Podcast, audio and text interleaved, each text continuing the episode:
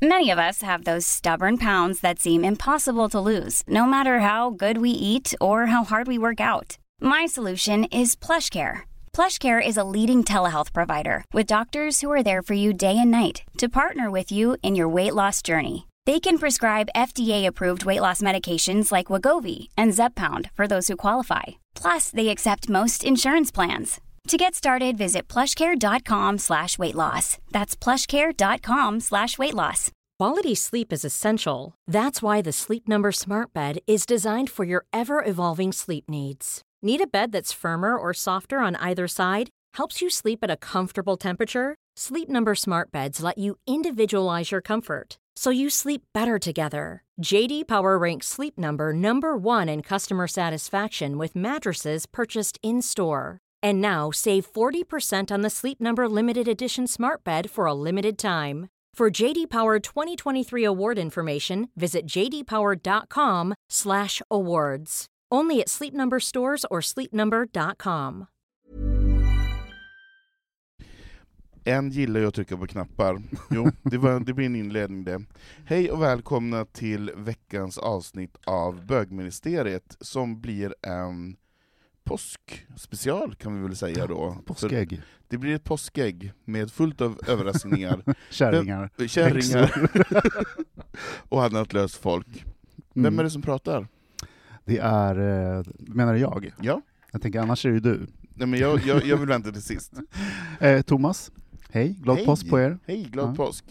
Och den som sitter tyst och väntar på att bli sitter hörd. här på min, vad heter det, Kant. Sop, sopkvast. Ja, du är redan Det är den till största påskkärringen av oss alla, Mikael Landby. Micke Landby. Ja, du är på väg till eh, Blåkulla redan. Jajamän. Ja, vad härligt. Varför är du den största påskkärringen? Nej, men jag bara kände för att säga så. på Nej, stort nej. här nu. Så- nej.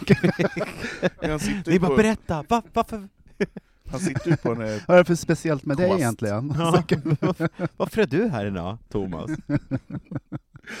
Och jag som ska hålla i det här kaos, redan kaosartade avsnittet eh, heter Anton Renström. Vi eh, skulle idag börja lite tidigare och spela in det här avsnittet för, för att Thomas Karlhed eh, ville det. Eh, och här har vi suttit i en och en halv timme och väntat på att han skulle komma Helt hit. tysta satt vi Anton. Helt tysta satt vi här och bara väntade och väntade. Nej, vi, tyvärr så drack ju vi två glas vin, så att vi är ju, vi är ju två glas vin infnittriga redan. Ja. Så det kommer bli ett... Jag är hemskt ledsen, men det var som en vägg i Stockholm idag. Det gick Mm. liksom inte att ta sig från norr till söder. Det var det är stopp överallt. Det är okej. Det Är är det? okej. Nu är Är det... det? Nu Tycker är skulle ha gjort som ni har tagit sopkvasten hit. Precis. Dra i en repa. Dra i en repa. Nej men jag tänkte så här, det här är ju då påsk, idag när vi spelar in är det så här kymmelsonsdag. Det är onsdagen då innan påsk. Eh, och imorgon är det skärtorsdag, och avsnittet kommer ut på långfredag. Och sen är det en hel lång påskledighet. Vad vill du säga Thomas? Jag Ja, men du... kymmelonsdag, det låter lite snuskigt. Jag vet, men Ja. det är kymmelonsdag. Vad gör man på en Man kymmelonsdag? kymlar. Ja, ja, just det. Ja, Ja, jag vet inte Jag visste mer än så. det. Min lilla kymmelonsdag. Jag har bara sett i almanackan att det är kymmel, kymmel. Det har väl någonting med någon gud och någon religion och Men vad är det första som kommer upp i huvudet på dig? Kymmel. Jag tycker att det, en kymmel för mig låter ju som att det är någon, någon skurk eller någon bandit. Så jag tycker det låter som en väldigt camp lymmel. Ja. Jag tycker det låter som dagen efter fettisdagen. Känner du kymmeln då? Ja. Först är det ju fettisdagen, sen kommer ju kymmelonsdagen. Men efter fettisdagen är det inte bara att du känner en vägg då? Jo, då känner man sig kymlig. Kymlig? Ja, När kanske. man äter ditt favoritbakverk, semla. Uff, fy fan. Nej, vi, vi måste nog kolla upp vad det här med kymmel är, det får vi göra när vi tar en jingel. Men innan vi gör det så skulle jag vilja veta så här. Eh, Thomas, vad betyder påsken för dig? Eh, ja, bra fråga. Det, det handlar om Jesus, är du. Eh, nej, men påsken, det, det är en, en familjehögtid. Det är ofta så äter vi middag på påskafton tillsammans. Eh, och sen förknippar det mycket med eh, våren. Att det, liksom, att det, det är liksom starten på, på våren på något sätt. Nu kommer det väldigt tidigt i år också, så att det, det är bra. Ja men precis. Och på talet om att det kommer tidigt, för Micke Landby då, var ju, var ju också... så, som alltid kommer tidigt. Nej, som, som, var, som satt där och var så glad över att planeringen här nu med påsken är att den, att den låg tidigt i år, att, den låg så, att påsken låg så bra, att påsken låg en torsdag, fredag, lördag, söndag, måndag. Han tyckte det var så bra planerat. Tills, tills han fick veta att det alltid ligger en torsdag, men fredag, just lördag, söndag, måndag. ja, skärtorsdagen är ju alltid på en torsdag. Exakt, men förutom att det var br- bra planering av post, påsken den här gången, hur, eh, vad betyder påsken för dig? Nej, men jag letade ju faktiskt fram en lämplig påsksalm att bjuda på idag. Men jag kollade på listan på Wikipedia och inte en enda jävla låt kunde jag under påsksalmerna. Faktiskt, tyvärr. Eh, kan ni någon påsksalm? Nej, jag nej. tänkte just säga det. Men att, vad, eh, vad, vad hittar du då? jag, jag hittade en hel lista med massa, massa salmer på låtar jag, eller salmer jag aldrig har hört. Eh, så att där sket det sig. Men det är ju konstigt att man inte har, för i och med att påsken är en, en kristen högtid, att vi inte har mer sånger eller salmer knutna till den, för vi verkar ju uppenbarligen inte gå i kyrkan då under påsken. Som man Nej. kanske gör under, under julen, under julottan och så vidare, för där har vi en massa Idag sånger. ja. Ja, Ja. precis. Att vi inte har någon påsk, att så här, jo men då sjunger vi alltid Lilla glada kyckling. Nej men Hosianna eller inte vet jag, någon av de andra dängor. no, no, Hosianna Davidsson! den är ju bra. Den, den, Den är är ju ju bra. Hit, alltså. Alltså jag är, inte, jag är inte rädd för att du ska sjunga den. Jag älskar att vi har gått ifrån att snacka Berghain och så här, men Nu Hosianna. levande. Nu är det salmer och eh, skimmelonsdag. Det går åt fort. Verkligen. Men, men eh, för, för jag tycker att påsken är den bästa högtiden för att den är, den är så opretentiös. Eh, Just det att man är ledig ganska många dagar eh, och man behöver då inte ta så mycket semester, så, men man får ändå mycket ledighet. Och att det är så himla nice att man samlas familj, man kan vara med vänner, det finns inga måste. Julen är ju mer måstebelagd Krav, än vad ja. krav och sådana saker. Påsken är mer fri. Och jag tror att det har med det som du säger Thomas att göra, just det här att det är på något sätt ett vårtecken, att det är då våren är i antågen, det är då vi känner så här, men gud det spritter i kroppen om man planterar vårblommor och eh, man har ställt fram klockan och det är sommartid och utemöblerna kommer fram och- och pollen kliar och det rycker i baguetten. Mm. Lite så. Eh, vill du att jag skulle titta Nej, men på jag det här? tänkte att någon som kan det här ja, om nej, men påsken, det är ju en... Precis. Någon som kan någonting om påsken. Carl Jan. Det, det, det är ju Carl Jan och Lotta Bromé. alltså, hur ska det här avsnittet sluta? Det är redan Jag ska prata som Lotta Bromé hela avsnittet idag. Eh, det, det är så mycket fnittermajor. Eh, vi måste faktiskt ta en jingel innan vi fortsätter, innan vi fortsätter med nästa tema, för annars kommer det att spåra ur. Ja, det gör vi. Bögministeriet, bögministeriet, bögministeriet, bögministeriet.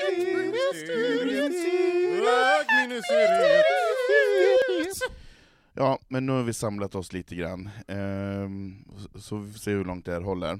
Men i alla fall, vi har fått ett eh, lyssnarbrev eh, från en av våra absoluta darlings. Det är också en av våra trogna lyssnare och en, en person som ofta kommer med synpunkter och ämnen att prata om. Och vi är alltid lika glada när det här händer. Men, eh, och det är Lina Landström som är doktorand i teologi vid Fri universitet i Nederländerna, och hon är också blivande diakon i Svenska kyrkan. Hon har gjort något härligt, Micke Landby. Vad har hon gjort för någonting? Ja, men hon har ju skrivit eh, om hbtq-samhället eh, och eh, ja, skrivit en jättefin text eh, som publiceras häromdagen på qx.se eh, under opinion. Eh, hon skriver så här till oss. Hallojsan! Jag skrev en liten text på QX som publicerades häromdagen på ett ämne som jag brinner för, nämligen hbtq-communities livssorg. Vi har ändå historiskt och individuellt gått igenom en hel del saker som vi inte så gärna pratar om. Djupt ämne, kanske för djupt för podden, men vet. Det är ju ändå långfredag när nästa avsnitt kommer ut. Här hittar ni artikeln. Hur tänker ni kring livssorg? Bär ni någon livssorg? Finns det saker vi borde prata mer om inom hbtq-världen? ämnen vi borde bearbeta gemensamt. Vore kul att höra er diskutera detta. Kram och glad påsk, Lina. Mm, jättefint. Jättefint Brev och text. Mm. Verkligen. Tycker alla ska gå in och läsa den här hela debattartikeln, eh, för det är värt varenda sekund. Men vad tänker du Thomas, det, det första som dyker upp när du läste den här texten? Att hon är dia diakoni. jag hade ingen aning om det. Det Nej. var så coolt. Det Mm. var liksom, eh, ja, det, jag blev förvånad. Men det var på ett bra sätt. Mm. Nej, men det första jag tänkte var dels att det var en fin text. Eh, och dels så tänkte jag på egna livssorger och på eh, det kopplat till eh, det man har varit med om. Jag tänker att livssorger i sig är ju någonting som, som vi alla har oavsett vem man är. Eh, och det är ju också det som jag tycker definierar en som människa. Ens utveckling, ens förhållande till sig själv och till det andra. Eh, så det är som, lite som en skatt som man har ofta, eh, som kan också vara jobbig naturligtvis. Mm. Eh, men jag tänker också på...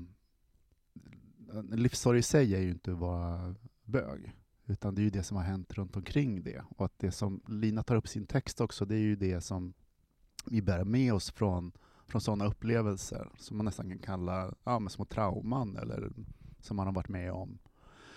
Eh, och behovet av att tillsammans eh, bearbeta låter så kliniskt, men ändå liksom förhålla oss till det aktivt och lyfta upp det och liksom spegla oss i det och medvetandegöra att det finns eh, en, en, en, ofta en sorg kopplat till det. det är erfaren, de erfarenheter som är unik för, för vår grupp. Eh, jag tänkte att hon hade rätt. Mm. Och jag tänker också det som har hänt under bara något år, att man har sett flera stycken som har tagit livet av sig. Mm. Eh, att det finns, ja, det är lite för många. Mm. Och det är kanske lite för lika bakgrunder Mm. eh, på det sättet. Och att jag kan tänka mig att man har känt sig ensam också Mm. i, i, Att, det har, upplevelser. att det har nu under pandemin har, har dragits till sin spets, Ja. just den. Mm. Och att man inte orkat. Ja, inte bara pa- pandemin, alltså självmordsfrekvensen ligger ju högre upp eh, bland, i, bland hbtq, Mm. hbtq Så att det, det är klart att det finns ehm, känslor och erfarenheter och tankar och som, har, som, som är unika, Mm. tror jag. Mm. Också när man lever i en, en, en värld som är, i varje fall tidigare har varit 100% byggd kring heterosexualitet och Mm. det avvikande är Mm. dåligt, förkastligt, hemskt, Mm. skamligt. Precis. Landby, vad, vad, vad känner du när du läste Men- texten? Ja, men jag si- sitter och tänker på om det är så att, att det är där jag har känt gemensam gemenskap förut, alltså om vi säger att man går ut på en gayklubb eller en bar eller liknande ställen, det har ju blivit ganska tydligt att nu, nu sitter vi, nu har jag lyxen att få podda mer, men att en sammanhang är ju inte så tydligt längre som det kanske var förut, när man liksom ändå umgicks med med gay, sina gayvänner på ett mer kontinuerligt sätt.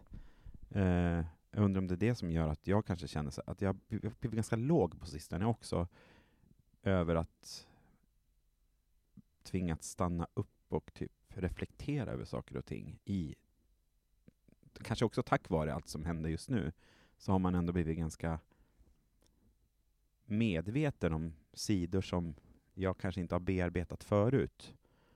Eh, på gott och ont liksom. Mm.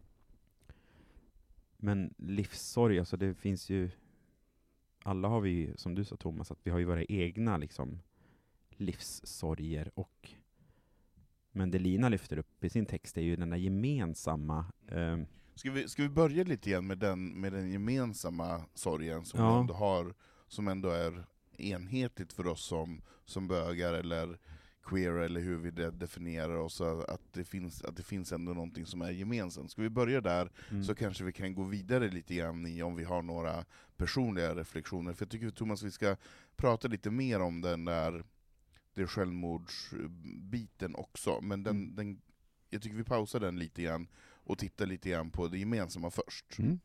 Eh, hur, hur ser du då Landby på, på här, den gemensamma sorgen som, som vi faktiskt har tillsammans som eh, grupp? Ja, men jag såg ju eh, dokumentären Botad på SVT Play Mm. nu eh, häromdagen och blev jättelåg Mm. av den. Eh, Dra dels- snabbt, dra snabbt vad den dokumentären handlar om och vad... Den handlar om, eh, vi får följa med eh, under, sen, kan det vara 30-talet? 40, ja, med sån 40-50. Ja. Mm. Eh, och fram till idag. Mm. Men mycket fokuserat kring eh, 40-50-talet, eh, kring lobotomering och eh, elchocker på homosexuella och psykologer som hävdade att, eh, ja, det vi alla har hört, att vi är sjuka och att det är sjukdomsklassificerat fram till eh, 70 80-talet, i alla fall I, här i, Sverige. I Sverige blev det 1979, ja. slutade vara en, en blev vi eh, friska, psykisk sjukdom. Friskförklarad. Mm. Precis. Eh, ja, men jag blev extremt låg av den, och jag tittade på den tillsammans med min sambo som somnade liksom ifrån. Vadå, han, han tyckte det var tråkigt? Nej, men han, somnade, han var trött och somnade ifrån, så ja. det tog så jävla hårt på mig, ja. när jag bara var tvungen att säga jag måste gå på en promenad. Ja.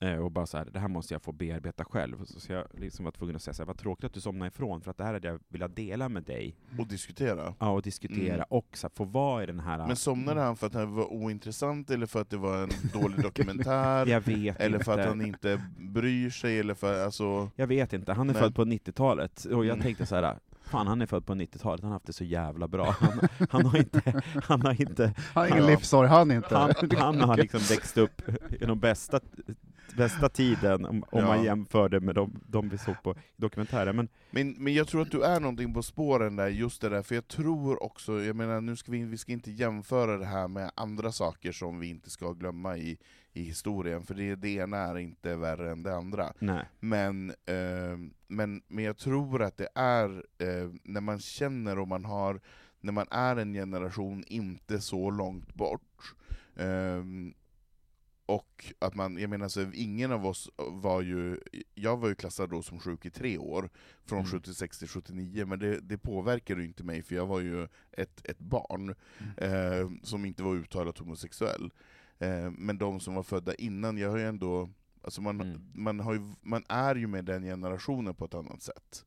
Och att jag tänker så här, ju, ju yngre personerna blir, så ju mer suddas det ut om den generationen man har inte den kontakten Nej. med, nej, och så vidare. så är det ju. Men, men berätta, vad, vad, var det, vad var det i den här dokumentären som gjorde dig då så sorgsam så du var tvungen att gå ut och gå och reflektera över det här? Vad, vad var det som, som bet sig fast? Nej men det här visste jag ju om, jag visste ju om mycket som nämndes i dokumentären, men det var liksom Först och främst var det fruktansvärda bilder man fick se eh, på liksom elchocker och hur, hur- hur, de behandlades på, eller hur vi behandlades, vill jag, ska jag vilja säga, på den tiden. Eh, men det var någonting, det var jag var liksom precis i det modet den kvällen också, när allting, allting som jag såg var så himla nära, och det blev så himla, det var som att jag var ett litet barn som satt 40 centimeter från tvn och allting var så här.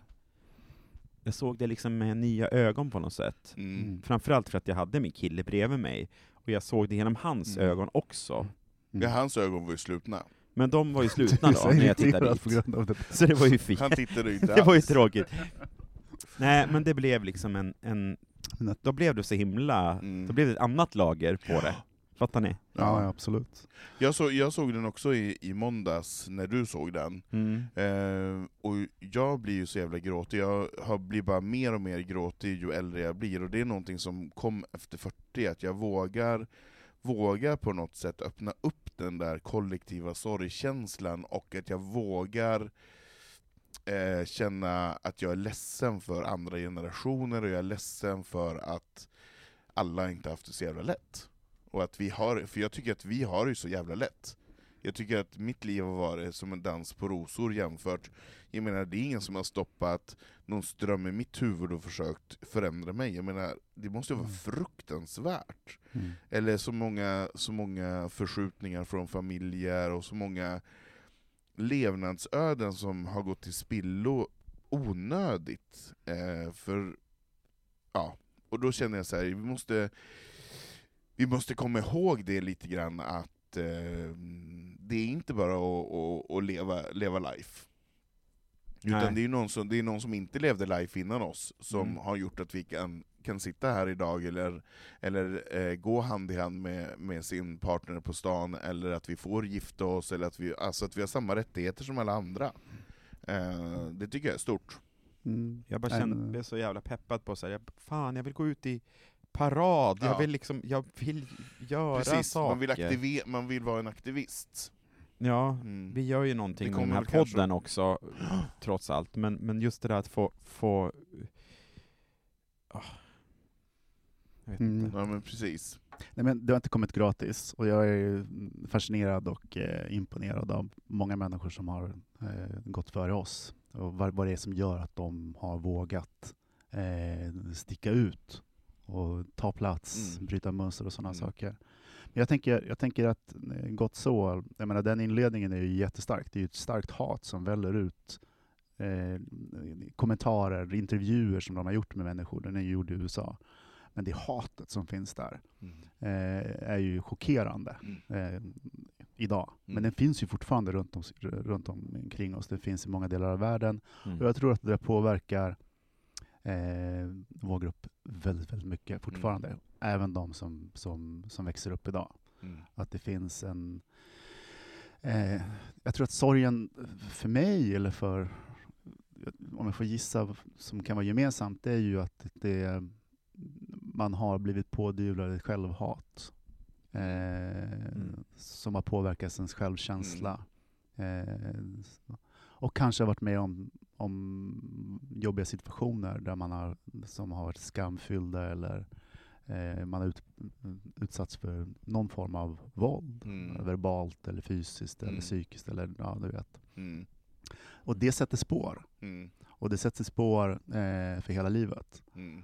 Eh, eh, och det sätter spår också, jag menar, om alla har lite av den erfarenheten, Mm. eh, då, är det, då präglar det också gruppen. Så att, jag Mm. menar, det är inte så konstigt att vi gillar att festa och glitter och glamour. Och dansa. Nej men som, som motreaktion till, till det andra, nej. Nej. Nej men såklart. Nej men och, om, man, om man får tillfälle att leva så gör man ju det. Herregud. Ja. Ehm, men, men jag tänker också så här. Jag, jag är ju personligen inte så aktivistisk av mig, eh, tror jag. Eh, men jag blir, så, jag blir väldigt jag funderar väldigt mycket på den här aktivistgrejen när jag ser den här typen av dokumentär, och när jag Mm. tänker på de här sorgerna i ett community och så vidare, de personerna som har varit starka, orkat och så vidare. Ehm, för det är ju lätt att man bara flyter med, och det är ju väldigt lätt att man Ja, men inte orkar ta till sig allting, utan man bara så här, ja ja, men nu, nu har vi de här rättigheterna, nu fortsätter vi. Mm. Det går ändå framåt, det blir Ja. ändå bättre. Och det blir det ju. Mm. Det blir det ju, men jag menar så här, det är ju inte så länge sedan det var 1979 då vi var en sjukdom, och det är inte så länge sedan eh, de här eh, under 40-50-talet när man då gav eh, elchocker, det är inte så länge sedan. Nej. Och det gör mig bara så gud, och snart kanske vi är där igen. Mm. Vi kanske, vi kanske kommer in i nästa våg av att det är en sjukdom Mm. och att det är en, en, eh, en psykisk störning som behöver rättas till. Det är ju inte långt bort att det kommer. Det eh, finns starka krafter. det är väldigt starka krafter. Och det gör en ju jätteledsen. Mm. Men då kanske du... Och då är det dags för mig att aktivera mig. Ja, precis. Då är det dags Ut på gatorna. Då är det dags för mig att gå ut på gator och torg och, nej men då, nej men verkligen. Men jag, jag tänker också så här, för mig, jag menar, man är olika personlighetstyper också. Eh, man gör så här Jungs eh, analys av folk. Det finns en grupp som är väldigt som är aktivister eh, till stor del. Men jag tänker också att man, det är ju en sak att, att eh, gå först och ställa sig överst och bryta ny mark och sådana saker. För mig var det liksom en nästan en aktivistisk känsla av att kyssa någon första gången eh, öppet eh, på Hamngatan. Liksom. Mm. Det, var, det var stort, eller stå på det där flaket högst uppe på, när ni åker in över i badbrallor typ. Ja. Eh, när ni åker in på Hornsgatan på en Pride-parad, då, då, alltså det var ändå liksom, det, ingen aktivism på det sättet, men det gav ändå en känsla Ja, ja. och av empowerment också. Ja. Ja men verkligen. ja, men den känslan minns jag än idag. Alltså när jag och Mia, min kompis, stod i våran, I- våra Iron Maiden-t-shirts på QX-flaket 99. Varför hade ni Iron Maiden Nej, men vi ville vara jättecoola och Ja. göra något coolt, jag vet inte. Nej. Nej, vi var även 19 hårdrockare kan vara Och bara gays. kände så här, fan jag känner mig snygg i den här tröjan. Ja, men liksom, och det var ju så här, det var ju världens upplevelse. Ja. Eh, och jag är glad också att jag fått vara med om det, Mm. för att jag... Det, det är härligt att tänka tillbaka på den, den känslan, och Mm. de, de små sakerna man har gjort som har betytt mycket för en. Eh, när jag vågade pussa min kille första gången ute liksom på gatan, eller alltså Mm. sådana där små, små liksom Mm. Första steg gången. så här i efterhand, men då var ju Mm. det jättestort. Mm. Och det är inte, jag menar, det är, det är inte små, små steg för en individ, för en individ är det jättestora steg att hålla handen, pussas, gå i Pride-paraden, eh, leva ett, ett öppet offentligt liv som inte är normativt. Ja. Det är ju det är en jättestor grej. Ehm, så, men, men jag tänker, om vi ska ner i sorgen lite, så att vi inte går in i det här eh, tacksamheten på något sätt, utan vi går ner i sorgen lite, lite mer.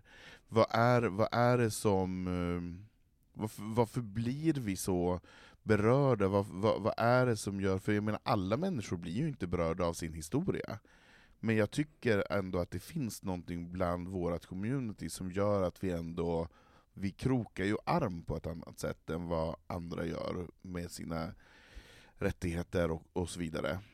Är det... Ja, men jag, tror, jag tror att folk går, går, eh, är starkt om de är öppna, alltså emotionellt, eh, att de har ett starkt förhållande till sin historia, vad som har hänt i deras familjer, i deras uppväxt och, och, och så. Det som är unikt i, i vår grupp, det är ju kanske att den har stått eh, att jag har stått utanför samhället så mycket, utanför normer och det som är, hela den biten. Och att vi delar den upplevelsen. Mm.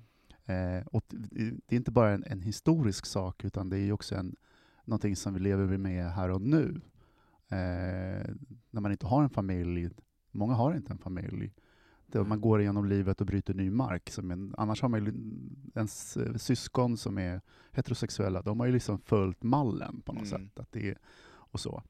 Och då kommer den där julen och då kommer de här eh, situationerna där folk eh, eh, gör saker som de, eh, som de brukar göra. Mm. Men där man är det svarta fåret, eller Just det, kuggen som inte riktigt... just det.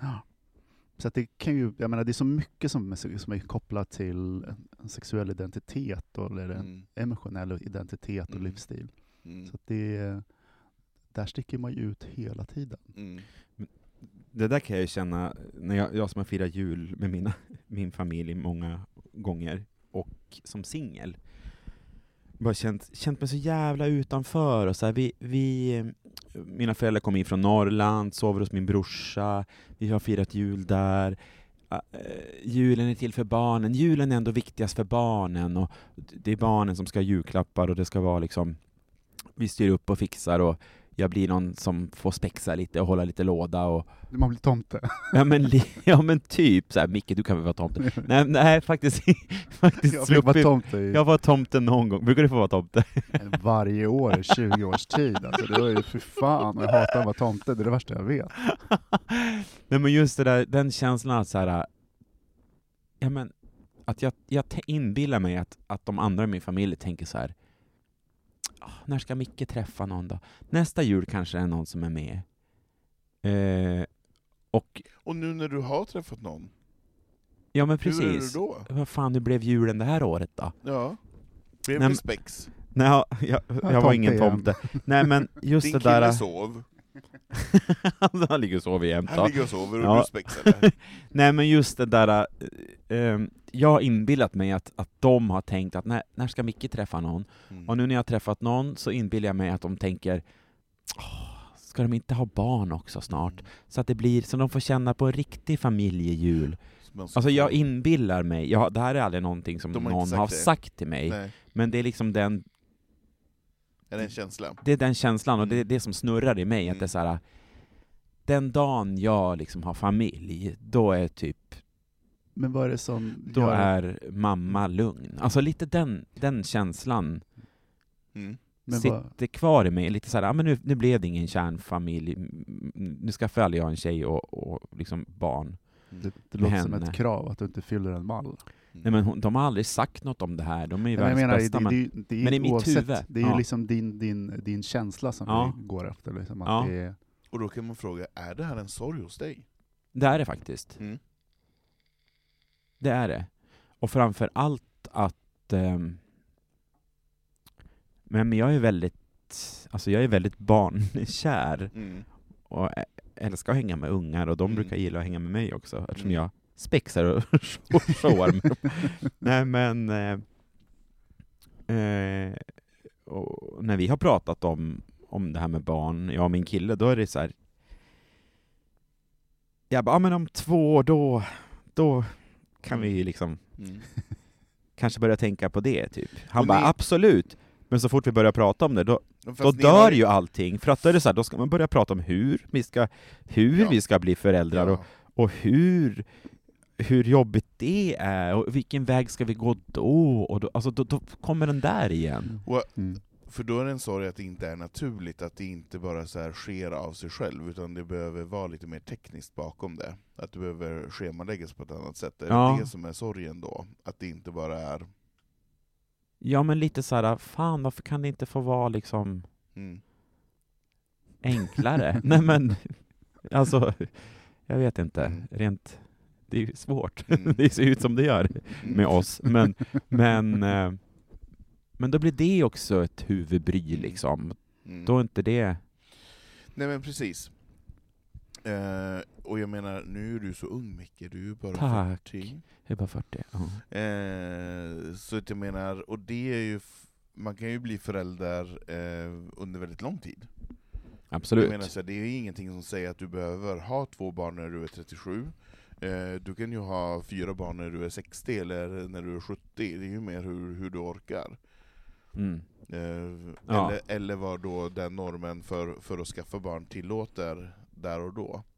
Eh, men och, ja, är det någonting man vill så ska man ju göra på det, men jag menar ni har ju också bara varit tillsammans ett år. Jo jag vet, men det också, känns också Så, så det är här, en stor det känns grej så, att lägga på en, en, en partner. Nej men jag tror att det är så här att, att ehm, eh, man måste vilja bli föräldrar tio gånger mer ja, än Ja, vad, det, vad Japp. andra behöver. Ja, så alltså, du, måste göra, du måste göra ett extremt aktivt val. det är verkligen ett aktivt val, och det är så här att, Det är och då ska det fan mig gå bra, och då ska Ja. det vara liksom, då ska det vara, det är jag också rädd för. Men det är ju min att, känsla att jag skulle ha behövt vara mycket mer, eh, eftersom jag är en äldre än ni, jag måste ha varit mycket mer målmedveten mm. Ja. eh, för att det skulle, skulle ha skett. Mm.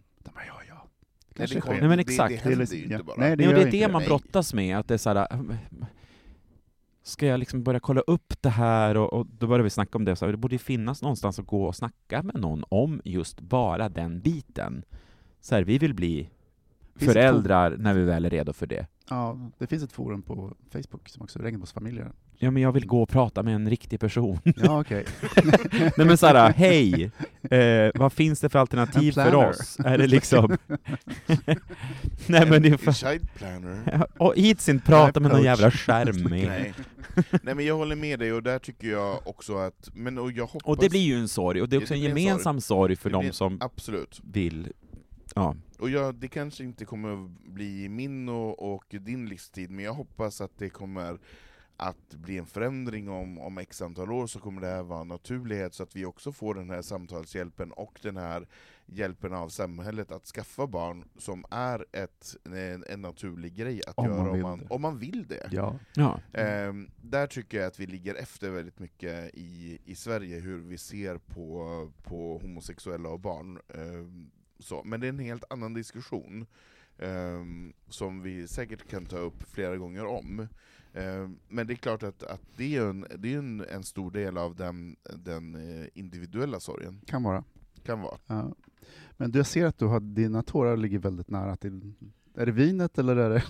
Jag gråter, jag, jag Är det gråter, pollen? Jag, det är pollen, det är pollen. Nej, nej, men, eh, nej men nu har de ju torkat tårarna tänkte Mm. jag, nu har de ändå stannat. Nej men det är den här... ehm, jag blir väldigt rörd av den här orättvisan. Jag blir så jävla arg över att eh, alla människor inte har fått samma förutsättningar. Jag tycker så synd om de här personerna som då har, ja men i den här dokumentären, som har fått de här elchockerna och så vidare, att de inte har fått leva samma liv. Hey, it's Paige DeSorbo from Giggly Squad. High quality fashion without the price tag. Say hello to Quince. I'm snagging high-end essentials like cozy cashmere sweaters, sleek leather jackets, fine jewelry, and so much more. With Quince being 50 to 80% less than similar brands. And they partner with factories that prioritize safe, ethical, and responsible manufacturing. I love that. Luxury quality within reach. Go to quince.com slash style to get free shipping and 365 day returns on your next order. Quince.com slash style. There's never been a faster or easier way to start your weight loss journey than with PlushCare.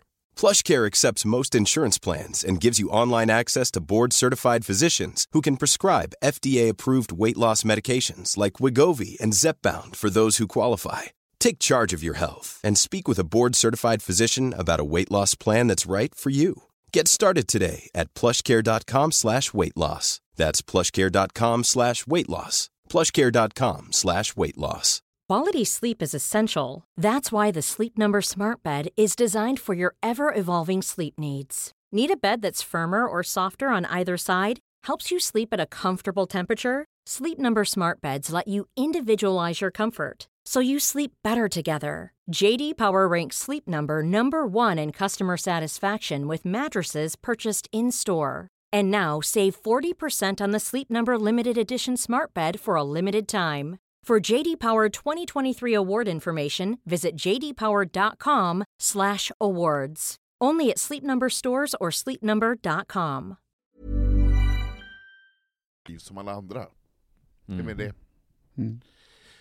Och det är... ah, Ja, för jag, jag gråter ju väldigt sällan för mig själv, men jag gråter väldigt ofta för andra. Och tycker att det är så surt på något sätt. Mm. Och jag tycker att det är också tråkigt. Ja, för, du menar för andras skull? Alltså, för, and, för ja. andras, alltså de här livsödena som, Mm. eh, ja, som inte har fått eh, leva ut, helt enkelt. Mm. Gud, var inte meningen att jag skulle sitta här och prata. Ge en lite mer vin nu. ja. Snabbt Micke. Micke. Jag ska göra det där vinet till vatten, ska du se Anton. Nej, men, eh, för jag tycker att det är en, det är en sån ynnest att, ehm, att vi har fått det vi har fått på något sätt. Jag är jätteglad för allting som jag har i, i mitt liv, och jag skulle vilja att alla andra också hade fått det. Och att man inte ska behöva ta sitt liv eller Mm. inte leva. Mm. Men också just den grejen att man också ska vara så tacksam så här, men jag har det ändå bra. Tänk hur det var förr i tiden. Tänk hur de hade det då.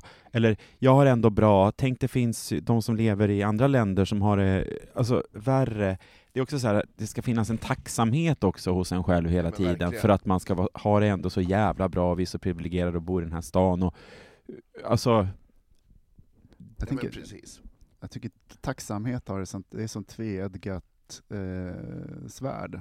Det är liksom, å ena sidan så, så gör, gör det väldigt mycket att känna tacksamhet. Livet blir mycket mer värdefullt. ja. Eh, och man ser på, ser på saker med ett annat perspektiv.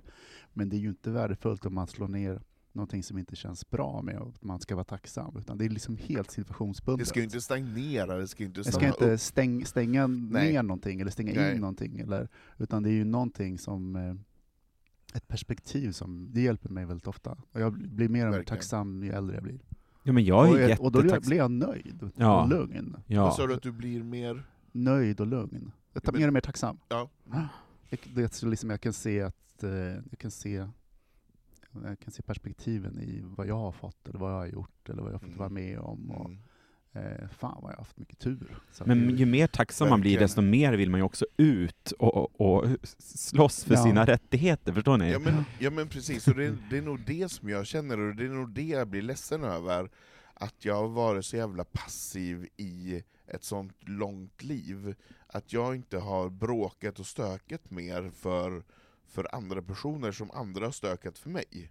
Nej. Ehm, Så jag tror att det är det som gör att, att jag blir så emotionell i det här, att jag känner så här att jag har någon typ av ehm, kanske lite skam, att jag har någon typ av, ja, att jag behöver göra mer. Tror jag. Och nu behöver jag mer vin. Ja. Men du torkar ändå tårarna med en rosa servett, Anton. jag tror att Lina är ganska nöjda med... Du torkar tårarna med en rosa servett som är formad som en Som en triangel. Ja, Det är jag. symboliskt. Det är väldigt symboliskt. Vi tar, vi tar en, en jingle, fast det är jättekonstigt när jag sitter och, och gråter lite grann, men vi tar en jingle på det här. Nu, är det färdiggråtet, för, för ett litet tag. Men eh, Micke Landby, du tycker vi ska grotta lite grann i det här med, med gråtandet. Ändå intressant med gråt, tycker Det är jag. ändå intressant med gråt och tårar. Mm. Vad är det du syftar på då? Vad känner du är det intressanta? Men jag, vad jag satt och tänkte på nu när du grät alldeles hejdlöst här i podden nyss, det är ju... Eh, jag skulle ju aldrig jag klara av en sån sak. Jag skulle ju hejda mig och stänga av. Och möjligtvis ta den här gråten i min ensamhet, eller över disken, när man står och slamrar med disken och Jävla idiot! Och så ska man diska och så ska man liksom hålla på och gärna städa om man är Klassiskt ledsen. att stå och diska Ja, men det är och som- här, det är gråta som mamma. med ryggen till. Liksom. Eh, Jag är impad över att du Är det, fult, liksom... är det fult att visa Nej, känslor? nej, det är jättefint. Det är det jag är extremt imponerad av. Men hur, hur kan du stänga av? Hur gör du för att, om du känner så här, nu kom, jag känner ju på en, en gång så här, nu kommer det, då fylls tårkanalen, sen bubblar det, jag känner i kroppen hur, Ja. hur nu kommer gråt. Mm. Jag har ju ingen, jag har ju ingen knapp att stänga av. Nej, men jag undrar om det är... eh, eh, jag vet inte, vad tror du Thomas? Nej, men jag tror att det, det, för män speciellt så är det, det, jag menar, det ligger någonstans i ryggraden att det är lite skamligt att gråta. Eh, det är situationsbundet, men det, är liksom, det finns, jag tror att det, det, det sporrar någonting i oss att man inte ska göra det. För man tappar ju också kon- lite kontrollen. Eh, man sitter bland vänner och så, det, är- det är ju inga problem. Men i andra sammanhang, så jag menar, det är lite också så att tappa eh, kontrollen-känsla, att man inte vill, vill göra det. Plus att så. Jag har inte något större problem med att, att gråta om det är någonting som jag blir berörd av. Eh, så mycket bättre som vi precis pratade om här i pausen. Liksom, att det är någonting i den tv-programmet som gör att jag bara börjar grina. Eller liksom, ja, men det är nostalgi, det är någonting i stämningen. Och jag, jag blir förvånad mig själv. Liksom, för det är ett Men och, och gråter du till också artister som du inte heller har en relation till, Ja, utan det är bara en stämning, men man har ju relation med alla där på ett sätt. Liksom att, men, eh, det, Really? Ja, man, man, vet, ju- man, vet, alltså, man, man har en relation till det för att man kände till dem så tidigare. Ja, ja. Man har en bild och Mm. sådana saker. Man har Mm. levt, vuxit upp med de låtarna. Mm. Men det var bara ett exempel på att hur jävla skruvat det Mm. kan trigga eh, Mm. en känsloregistret. Mm. Däremot kan jag ha svårt att gråta när jag verkligen behöver gråta. Mm. Ja, Om det är liksom en ångestklump i magen som, du vet, det där, som tar över. Man, och det, du vet, det, är, mm, det är då gråten kommer som en förlösare. Ja, men det kommer efteråt istället, och det är som att man samlar på alla de gångerna. Jag menar, alltså, det, sen bara, det, det är som en varbulden brister, och bara Mm. det där att, att, att när gråten kommer gör, ju- lättar ju på trycket, vilket är ju helt fascinerande. Eh, jag menar, det kommer lite vätska i ögonen och sen så känns det bättre. hmm. Det är en sån här sjuk grej. Alltså vad, vad, om man tänker efter. Jag Eh, tänkte på, eh, nu när jag skojar om att jag att man kan gråta när man står och diskar. Det var, min pappa låg ju nedsövd i tio dagar över, Mm. över efter nyår. Mm. Eh, I covid, och jag var hemma, jag och min kille var hemma hos mamma och eh, ja, bara var där liksom. Eh, och hon började ju liksom rensa lådor, rensa garderober, Mm. skura toan. Och jag blev så här så jävla provocerad för att jag tyckte gick runt och bara i ett liksom i någonting som var så extremt tungt och bara, men okej, kommer han att vakna? När ska han vakna då? Eh, och blev så jävla förbannad på henne. Bara, Vad är det med dig? Vilken kall person du är. Mm. Men sen har jag insett att jag är ju exakt likadan som hon är. Mm. Men hon henne- grät nog skvätt när hon rensade den där garderoben, och hon stod och, och gnodde där med skurtrasan. ja, men de, det ringde ju hela tiden och sa hur är det? Ja, det är bra, det är bra, det är som det är det. Och Mm. liksom bet ihop lite så. Men sen så, och då möttes vi i det där, när jag, hon bara, jag, om jag börjar gråta då finns det inget Vad slut. modigt, vad modigt av dig att, att, våga, att våga säga det till din mamma. Ja, var det det? Ja, det är modigt. Ja, jag, Det, skulle jag, det tror inte jag att jag skulle ha gjort i den situationen. jag bara, det är jobbigt för alla nu, det här är skitjobbigt liksom, men du, du måste också visa någonting. Mm. Sätt dig ner. Ja, och då Var, satt var vi där och grät ihop istället, Ja. och det var så fint och bara, men jag är också Mm. eh, såhär, om jag börjar gråta då kan inte jag sluta, och bara, men jag är också ledsen, och liksom det var så Mm. fint att få mötas i det. Mm. Men hade jag varit en sån som inte hade tagit det med henne, då hade vi ju gått runt där som två, Och liksom, städat. och städat. Och diskat. Fan vad välstädat det hade varit. Verkligen. Medan pappa å andra sidan är en sån som gråter för minsta lilla. Nu, när han då blev frisk och eh, jag som nyss hade tagit körkort åkte och hämtade honom på, på sjukhuset och bara ikväll så ska vi äta kött och pommes frites och så ska Marcus göra bearnaisesås. Åh helvete så gott! Åh jävlar vad gott! Ligger och blir sondmatad liksom flera dagar. Och då grät han över det. Jag bara, Ja. ja. men så gick det bara, men vad sa de då? Ja, de sa att jag hade tur! Och så grät han igen. Och så han gråter för minsta liksom, lilla grej. Det är väl jättefint, för jag Titta menar, så gullig kattunge! Du vet, alltså, det är sådana grejer. men det är väl roligt ändå, eller roligt, det är väl jättebra för jag menar, han Ja. tillhör ju en generation som inte, inte gråter. Verkligen. Född 50 och lastbilschaufför liksom. Det Verkligen, det, det är jättefascinerande hur, hur han har accepterat gråten och tycker att det är en bra ventil. Eller en naturlig ventil för Ja. honom att... Ändå tycka att det är helt okej Ja. att, att bryta ihop. Ja, Liksom. verkligen. Jag tror jag såg min pappa gråta två gånger i hela mitt liv. Ja. Och när han gjorde det så kändes det jättekonstigt. ja. För att det var så eh, sällsynt. Och då var det liksom det största som hade hänt nästan. Nej men alltså vi visste, vi visste inte riktigt hur vi skulle reagera. Nej. För att det var så ovanligt. Och vad var det för tillfällen då? Ja, det, ja, men det kunde ha varit eh, en fas i livet när han inte alls var i fas med i äktenskapet eller så. Så att jag menar, det, det har byggts upp saker under lång Mm. tid. Mm. Eh, Men det intressanta är ju liksom att jag som, som pojke då, eller kille, jag, pappa var ju jätteviktig för mig. Mm. Så att jag menar, relationer hur han gjorde och sådana Mm. saker. Så det är väl fint att vi kan gråta enkelt. Det har hänt saker. Mm. Mm. Men, men tror, Särskilt du att du, efter... tror du att du hade gråtit mer om din pappa hade gråtit mer? Att han hade... Ja, kanske, kanske lättare på ett sätt. Det är en sak att så här, förlåt mig nu, men det är, liksom, det är en sak att gråta för att man blir rörd och fylld av någonting. Ja. En Mm. annan sak att gråta när man eh, verkligen behöver det. Mm. Alltså när det är Absolut. att, Ja. att släppa kontrollen. Eh, jag kan också bli rörd väldigt lätt, ja, men som vad som helst. Du pratade om en, till och med en skidåkning, du sitter och grinar här. Ja. det är, jag kan ju också bli rörd om någon tar medalj och du Ja, vet att det blir, ja, men det blir en fin, du vet. Just det. Men eh, Just det. det är ju liksom när, när, eh, när det är som värst man behöver det som mest. Och då Mm. kan det vara svårt. Mm. Det var jättesvårt att släppa på Mm. trycket. Mm. Och det är ju så helande. Liksom. Mm. Det Ja, det är, bra. det är ju svinbra att gråta. Det är ju en jättebra ventil.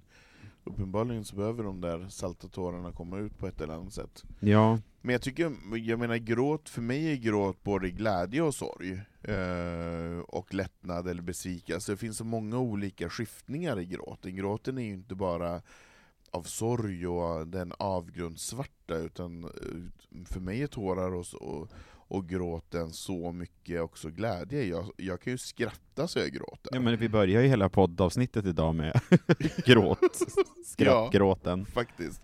Eller var det för att vi hade druckit två glas vin? Jag vet kan inte. ha varit också, men Man blir ju extra gråtig när man har druckit två glas. så ta det lugnt med det där vinet. Det blir jag dock inte. Det är en sak som Är jag du inte blir. det? Det är hundra procent säker. Jag blir ju inte gråtig när jag dricker alkohol, och jag blir inte sentimental när jag dricker alkohol. Mm. Nope, absolut inte. Men jag, jag tror att jag har, min grundperson är väldigt, väldigt sådär, jag, att jag har nära till gråt. Mm. Jag vet inte om jag alltid haft det, men jag, Kanske klimakteriet. det är hundra procent. Hormonerna som bara... Vallningarna. Nej men 100% är någon typ av övergång. Det är det absolut. Jag menar så här, när, när, man, när man värdesätter och ser fina saker i livet och kan börja gråta över det. Ehm, jag gråter väldigt sällan över min egen, min egen situation, men jag kan gråta över andra situationer. Exakt, exakt, det känner jag igen mig i. ja, Fast det är ju också att man speglar sig i andra. En, du kan en- spegla dig själv.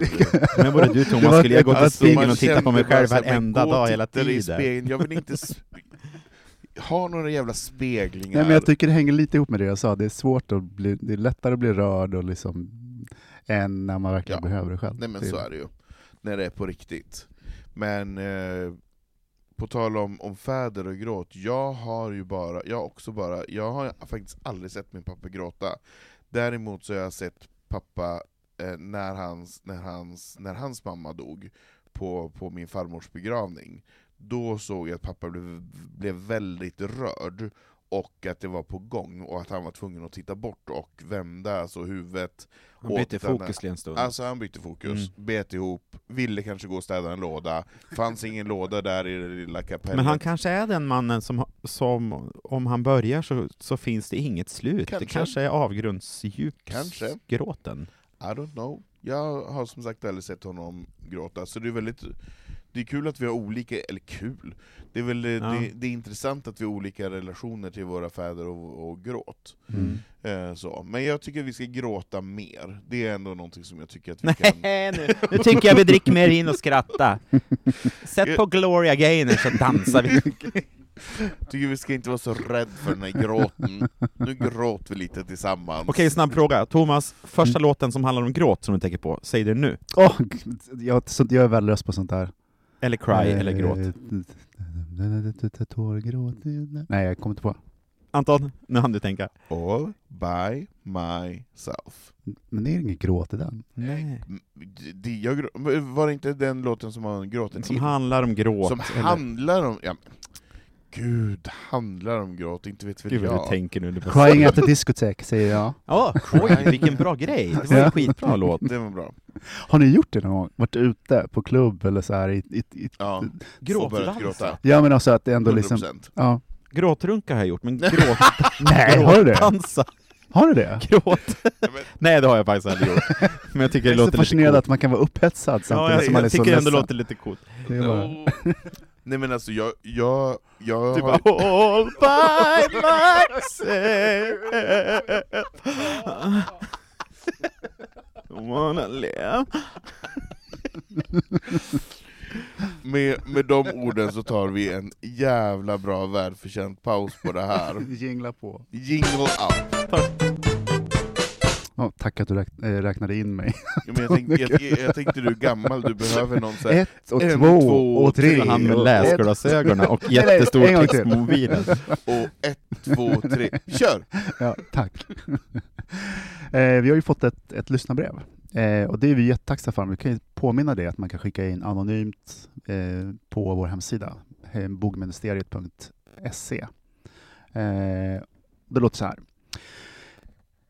Jag har ett ganska stort ämne som ni gärna får diskutera. Det finns en straight TikTok-kille som heter Cooper Nidecker. Jag skulle tycka att hans videos är skitkul! Utropstecken. Han har målade naglar och pärlhalsband och gillar på samma sätt som Harry Styles att använda könsöverskridande uttryck. För ett, för ett tag sedan fick han en massa kritik för att han som privilegierad vit straight man kunde ha på sig dessa saker och det ansågs som coolt samtidigt som queer-personer som gjort samma sak har blivit misshandlade och dödade. Han bad om ursäkt och sa att han förstår att han sitter på en privilegierad position. Eh, ja. Ska vi verkligen lägga fokus på att hacka på honom? Hela grejen är väl just att alla ska kunna på sig och se ut som man vill. Eh, om, man vill kan han, om, han, om han kan hjälpa till att få det att bli mer normaliserat med könsöverskridande uttryck, oavsett kön, läggning, så är det väl jättebra.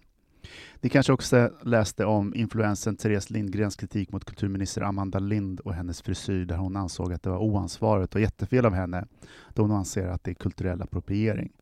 Tänker att det mest handlar om vilka intentioner man har och att det inte är så svart eller vitt. Vad tycker ni? Alltså, det, det här är ett ämne som gör mig så upprörd.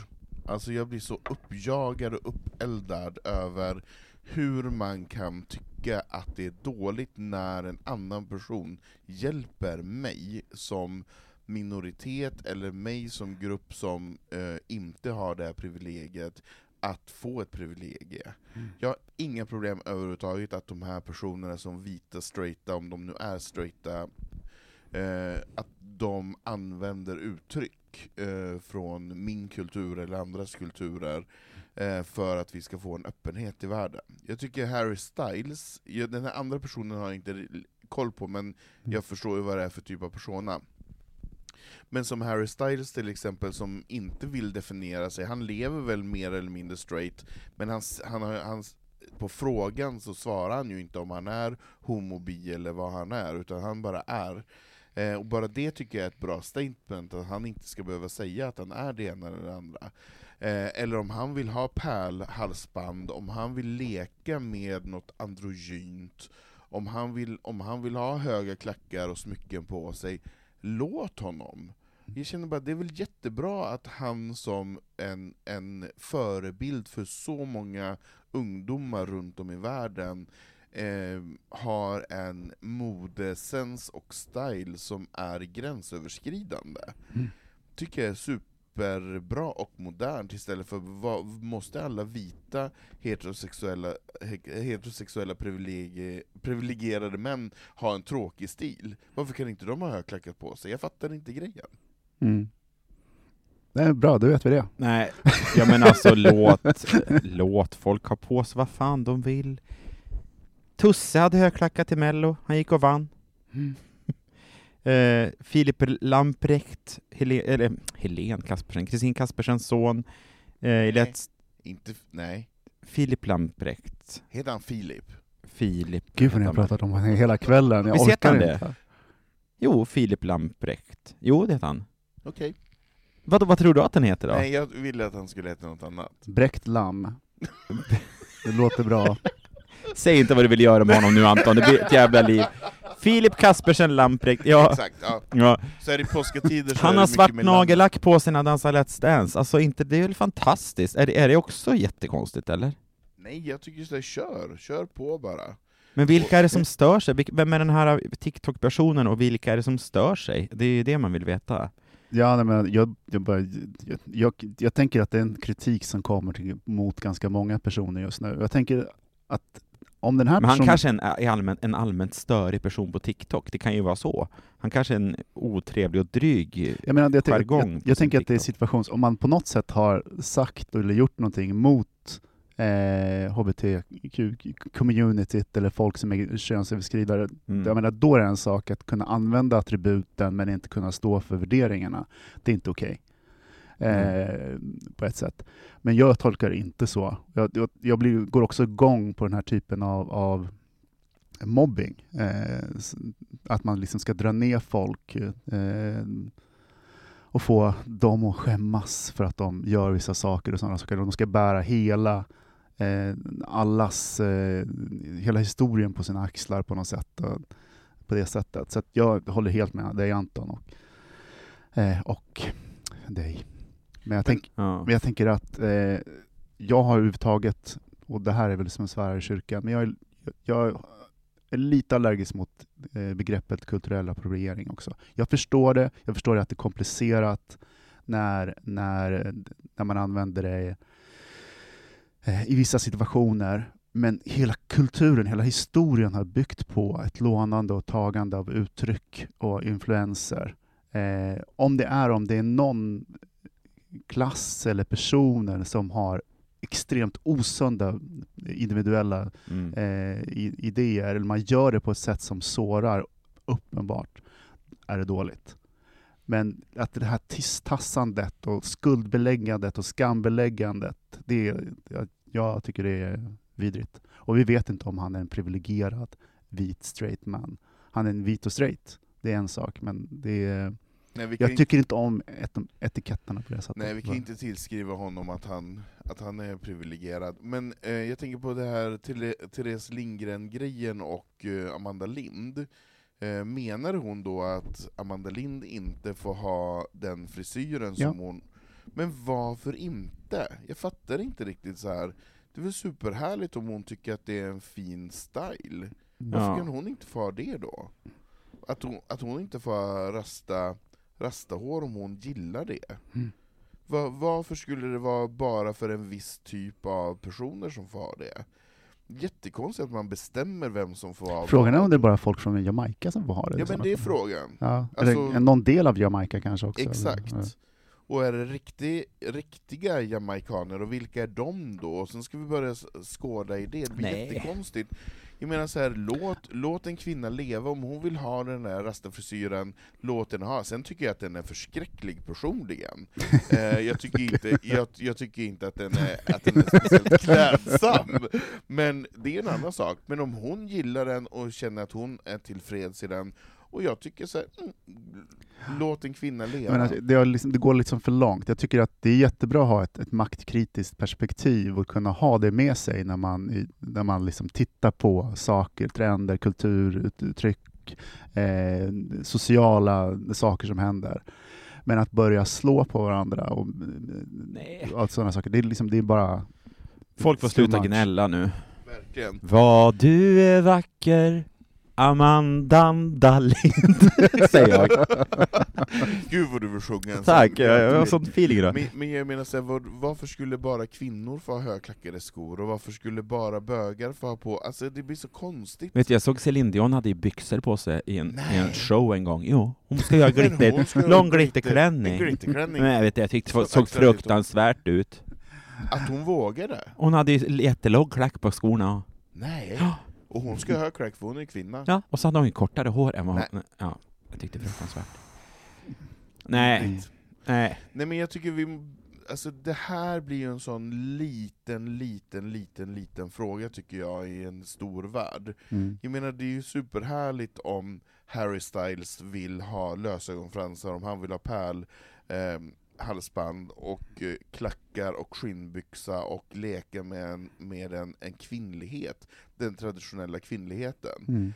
Jag menar, David Bowie höll väl på på 70-talet och lekte och Snacka om experimenterade. Ja, men han fick skit man. han och. Han fick säkert också skit, Ja, fast inte den här skiten. men inte han, Nej, fick annan, nej. han fick annan skit. Eh, och jag menar så här det är ju tack vare de här personerna som vi går framåt, och att vi kan vara de vi vill vara, och vi kan klä oss i det som vi vill klä oss. Och jag menar så här att inte så bestämma att bara för att du jobbar på kontor behöver du ha kostym, det är jättekonstigt. Varför kan jag inte jobba på kontor när jag har mina skinnshorts? Jag gör ett lika bra jobb som någon annan. Jo, men glöm inte att det finns en, en maktperspektiv i det också. Att det, liksom, att det är utsatta grupper som man tar det av. Att det är det som kritiken kommer ifrån. Liksom att det är, eh, så att det är inte liksom att vem som får göra vad som helst, utan det är mer det som kritiken Ja. är. Men det dras in absurdum. Eh, Men jag tänker att det kommer hjälpa, vi kommer hjälpas ja, jag håller med. Jag Jag håller med. att Ja. i en, i en förändrande värld så Mm. kommer vi att hålla varandra i hand och leda fram till någonting som är bra för alla. Ja. Eh, tänker jag. Nu får du blanka ögon igen. du hör din egen, din egen röst här säga stora ord och då Och där börjar vi sprutar tårarna igen. Lille Skutt. Halleluja! Nej, jag ska inte gråta upp mer. Nu är det, nu är det nog. Micke, vill du, vill du avsluta med en sång? Är det Nej, jag, Jag tror det. Nej, jag har ingenting. Nej, inget mer. Varför inte? Nej, jag har inget. En liten påsk, eh, påsksalm. Om vi tar en paus, och så kommer vi tillbaka och du avslutar med en påsk... Påsksalm! Ja. Någonting eh, andligt och... Jag tror, att eh, vi, jag tror att vi behöver knyta ihop det här avsnittet med någon typ av Sång. kristlighet. Eh, kanske ni ska bjuda på en sång då? Kanske, vi kanske doar och sjunger i bakgrunden. Ja, ja. Men vi tar Vi en, får en liten jingel och sen... nu har du kan- lovat någonting som vi inte kunde komma till. Vi tar en jingel och sen kommer Micke Lambi och sjunga Nej. Ja, det här var ju svårare sagt än gjort. Här skulle vi ha en påsksalm, men det finns ju typ inga påsksalmer. Så att nu skulle jag gärna vilja, om ni har en liten påskmelodi, påsksång, påsksalm, skriv in till oss och upplys oss. Eller Eh, skriv en text, en påsksalmtext, så sätter jag melodi till den, och så, får ni den. Du, skriv, du utmanar och sätter melodi Jajamän. Gud vad roligt, ni, alltså, ni ska veta, det här är ju också En, bög, men, en bögig påsksalm en ska det vara. bögig påsksalm. Alltså lagom, lagom. Hur Ja. låter det? Skriv in, snälla Crying låt oss. at the discotheque. Det är bara Stånden! den. Stånden! Nej. Det är underbart, men Micke, då får du spontana på någon annan liten Ja, låt. då kör vi något. Ja, sjung, bara sjung. Tack så mycket. För du, du är skön som livet. En dikt någon skrivit så kärleksfull. Du var så vacker så Jesus. Och men du är återuppstod. Tack så mycket. Underbart, en stor applåd! Det lät som en påsk... eh, Det lät som en påskpeter. En påskpeter var det, en PP. Påsk, Påsk-Peter Jöback. PPJ. Ja. Alltså underbart. Ja. Han kan kanske också, vi kan kanske utmana Peter Jöback att skriva en påsksalm. Just det. För han kan ju inte bara köra den här komma hem till julgrejen. Nej. Kommer hem igen till påsk? Nej, men Åka komma- bort till kom- påsk. Kommer över dig i påsk! Kommer över. Jag kommer över dig i påsk. Bukake. För då är han klar med julen och så har han kommit över person. Det är perfekt. Kladdkaka alltså. Ja. Kladdkaka över påsken Jajamän. med Peter Jöback och Micke Landi. Det är underbart, det här tycker jag det här är kul. Jag Ja. hoppas på massor med förslag för att vi nästa påsk när vi sitter här, att vi då kan sjunga den här salmen, hymnen, eh, låten, vad det nu kan vara, och att det är, känns som en självklarhet. Vi kanske har en kör här, vem vet?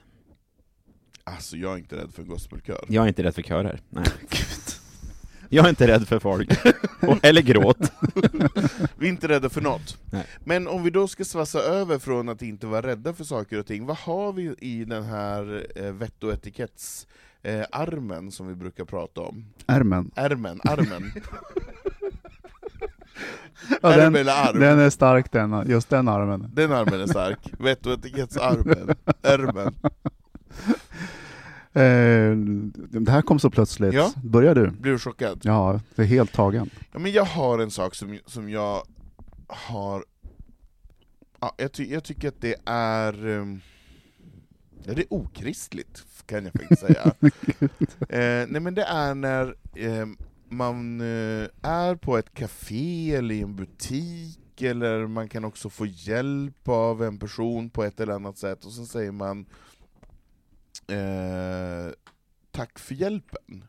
Och sen säger den personen, det var så lite så. Man bara, nej men, eh, nej de säger inte det var så lite så. Jag bara tänker, Nej, nu får vi börja om. Nu får vi börja... Nu, De säger, nej men nu får vi börja om och berätta hela historien, för att där följer allting. Det var så lite så... Nej förresten! ja det är ju ohyfsat måste jag säga. Nej, Micke Lamber du får ta det först. Nej men Jag, jag kan har inte- ingen än, jag Nej, jag måste kan- tänka medan Thomas berättar. Ja, Ja. jag upplevde det senast idag. Du, du tänkte fel eller? Jag trodde du sa fel. Gud. Du, ta undan det här glaset. Nej men, en sak som jag retat på mig på, det är skönt att få vara lite arg i det här elementet, Ja, som jag retat på i så många år, decennier skulle jag vilja säga. oj. Det är när folk, oftast faktiskt eh, damer över en viss ålder, när de går ut från butiker, eh, om jag ska generalisera, Mm. det är så här, för mig när jag går ut på en, på en gata, eller från butik, det är lite som att köra med bil ut på en, på en väg där det kommer bilar. Man, går bara, man kör bara inte rakt ut i trafiken. När folk bara kliver rakt ut framför Mm. eh, en fötter, så man alltså måste tvärnita. gata från en butik Ja. menar du? Ja. Det är så här, här kommer jag. Det blir vansinnigt. Här är jag!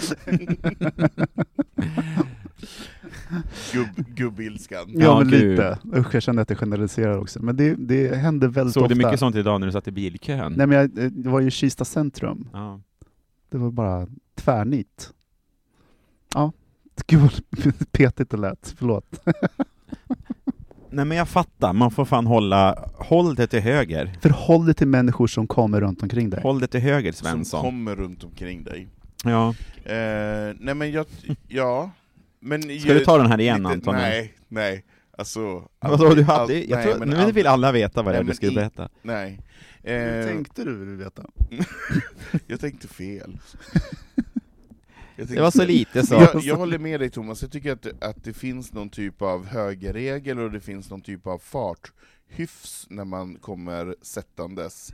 Eh, och jag tycker också när man kommer ut ur en butik att man, den som kommer ut ur butiken är ju Ja. den som tar det lugnt. För man vet ju inte vad det är för trafikanter som är på tro- trottoaren, så man får ju titta till höger och till vänster innan man kliver ut och inte bara stega ut. Ja, jag känner att det är, det är en dags för en insändare här. Vi på Kungsholmen. Ja, men, eller folk som Ja. inte parerar. När man mö- Idag mötte jag en person vid, vid eh, Hornstulls centrum, och den här personen parerar inte. Jag tänker så här, ja, men jag brukar alltid vara snabb att läsa av, så här, ska den här gå till höger eller vänster? Man, man har väl en gemensam överenskommelse att du går där och jag går här. Men folk som inte gör det, som man nästan går in i varann. Mm. För att jag väl har bestämt mig för att jag tänker fan inte vika undan. Nu går jag här, den här får vika av. Fast det handlar ju inte om vart man bestämmer, eller hur man bestämmer sig, jag menar så här, en håller ju till höger och en håller till vänster. Nej, nej, nej. Fast jag har, ibland får jag en fantasi av att folk har en strategi att jag viker inte undan. Nej men exakt, det är det. Det var Det- det jag kände idag. Att det, Det finns, blir inte så här. jag finns kommer något inte att vika. ego per, perspektiv i det där som är... Ja, nu blir jag arg igen. Flytta det, flytta det, Kan här går jag. Är, är, Här kommer jag! är det 90-tal- 90-talisterna igen? är nej, nej, nej, nej, nej. Nej, för de ligger och sover. Nej, nu sluta. Ja men min då? Somna för fan inte ifrån en viktig dokumentär som du ska se med din älskling. Bit ihop för fan. Men jag tänker Nej. att vet du vad du kan göra med din sambo Marcus? Är ju att du spänner upp ögonen som de gjorde i Clockwork Orange, Mm. satte sån här över så att han var Eller Kalle Anka, det räcker med med tandpetare. tandpetare, Ja. så han är tvungen att se det här, Mm. och sen får ni diskutera i Mm. grupp, två om två. Men sen så när jag gick den promenaden, då såg jag att han hade sett klart den här dokumentären. Han, han vaknade till och tittade klart. Men han hade inget behov av att prata om Nej, det. han ville inte prata. Nej, Han vill inte titta på, på den med dig. det var för deppigt. Men det kan ju vara så att han också känner av Mm. att du gick iväg Ja, och grät, ja. och att han kände att du inte stannade kvar Jag och grät ju såklart inte, jag gick ju, jag gick ju ut och sopade gatan. Helvete vad grusigt det var! Att folk inte kan plocka upp skräp efter sig. gick och rensade alla soptunnor. Ja, nej men han kände nog av ändå att det var lite, lite så ja. Ja. Mm. För det, det kan ju vara väldigt svårt som, som sambo att veta exakt Läsa när, av. när, var och hur Speciellt man ska... sambo till mig och känna av, är det läge Exakt, att somna eller inte nu? exakt. Och nu var ju han väldigt trött i måndags, för att ni hade ju haft en hård helg. Och då Ja. helt plötsligt skulle han vara- sitta där och vara alert. Vi hade ju ingen hård helg men, men då kan man ju bli trött av det också. Man kan bli trött av vad som helst, men det är ju så konstigt att man inte får vara lite trött och sova när det kommer en mossig liten dokumentär om saker som hände på 40 Gud, nu har du vänt 50-talet. 180 grader Anton. Ja. Men eh, skål för det, jag kommer inte att dra min, för jag kommer inte ihåg vad det var. Kan du inte dra den en gång Nej. till? Jo, man kommer in i en Du butik och tyckte ska det var så ohyfsat och så säger de tack för, du säger Nej. tack för hjälpen. Nej, jag kommer Nej, inte, det jag var så lite. Det var så lite det så, var så lite så. Nej, jag kommer inte ta den, för jag, har- jag har glömt den och snurrat ihop det, och jag har gråtit och nu har jag druckit fyra glas vin. Så nu din biografi, det var så lite så, av Anton. Nu har jag druckit fyra glas vin. Så nu, nu, nu vet jag ingenting, så det kommer inte, det kommer inte bli något med det. Nej. Ska vi avsluta det här nu? Ja, hade vi inte gjort det redan? Nej, ska vi önska glad påsk? Ja. Det är ändå långfredag Eller och en, vi kan väl önska en trevlig helg? en trevlig helg. Trevlig långhelg, för alla firar ju inte påsk. Nej, det är Nej. sant. Trevlig ledighet och Väldigt PK långhelg. är jag Ja, nu. Ja, helt plötsligt. Som du är. Ja. Står och och knuten näve och gråter åt sidan. Vad bra. Thomas, vart kan man hitta dig om man vill dig något? eh, på Instagram, Tomboy, Ja. Stockholm. Mm? Och Micke? Mig hittar ni på XXLboy på Grindr. Eller nej, jag skojar. Eh, jag heter Mikael Landby på Instagram. Mm? Mm. Härligt. Och mig kan man följa på Instagram eller skriva till mig på Instagram under Anton Renström. Vi önskar er en trevlig ledighet och jag säger också glad påsk, för jag tycker att det är trevligt. Det var så Puss lite. och Så. kram. Det var så lite så. Bögministeriet, bögministeriet, bögministeriet,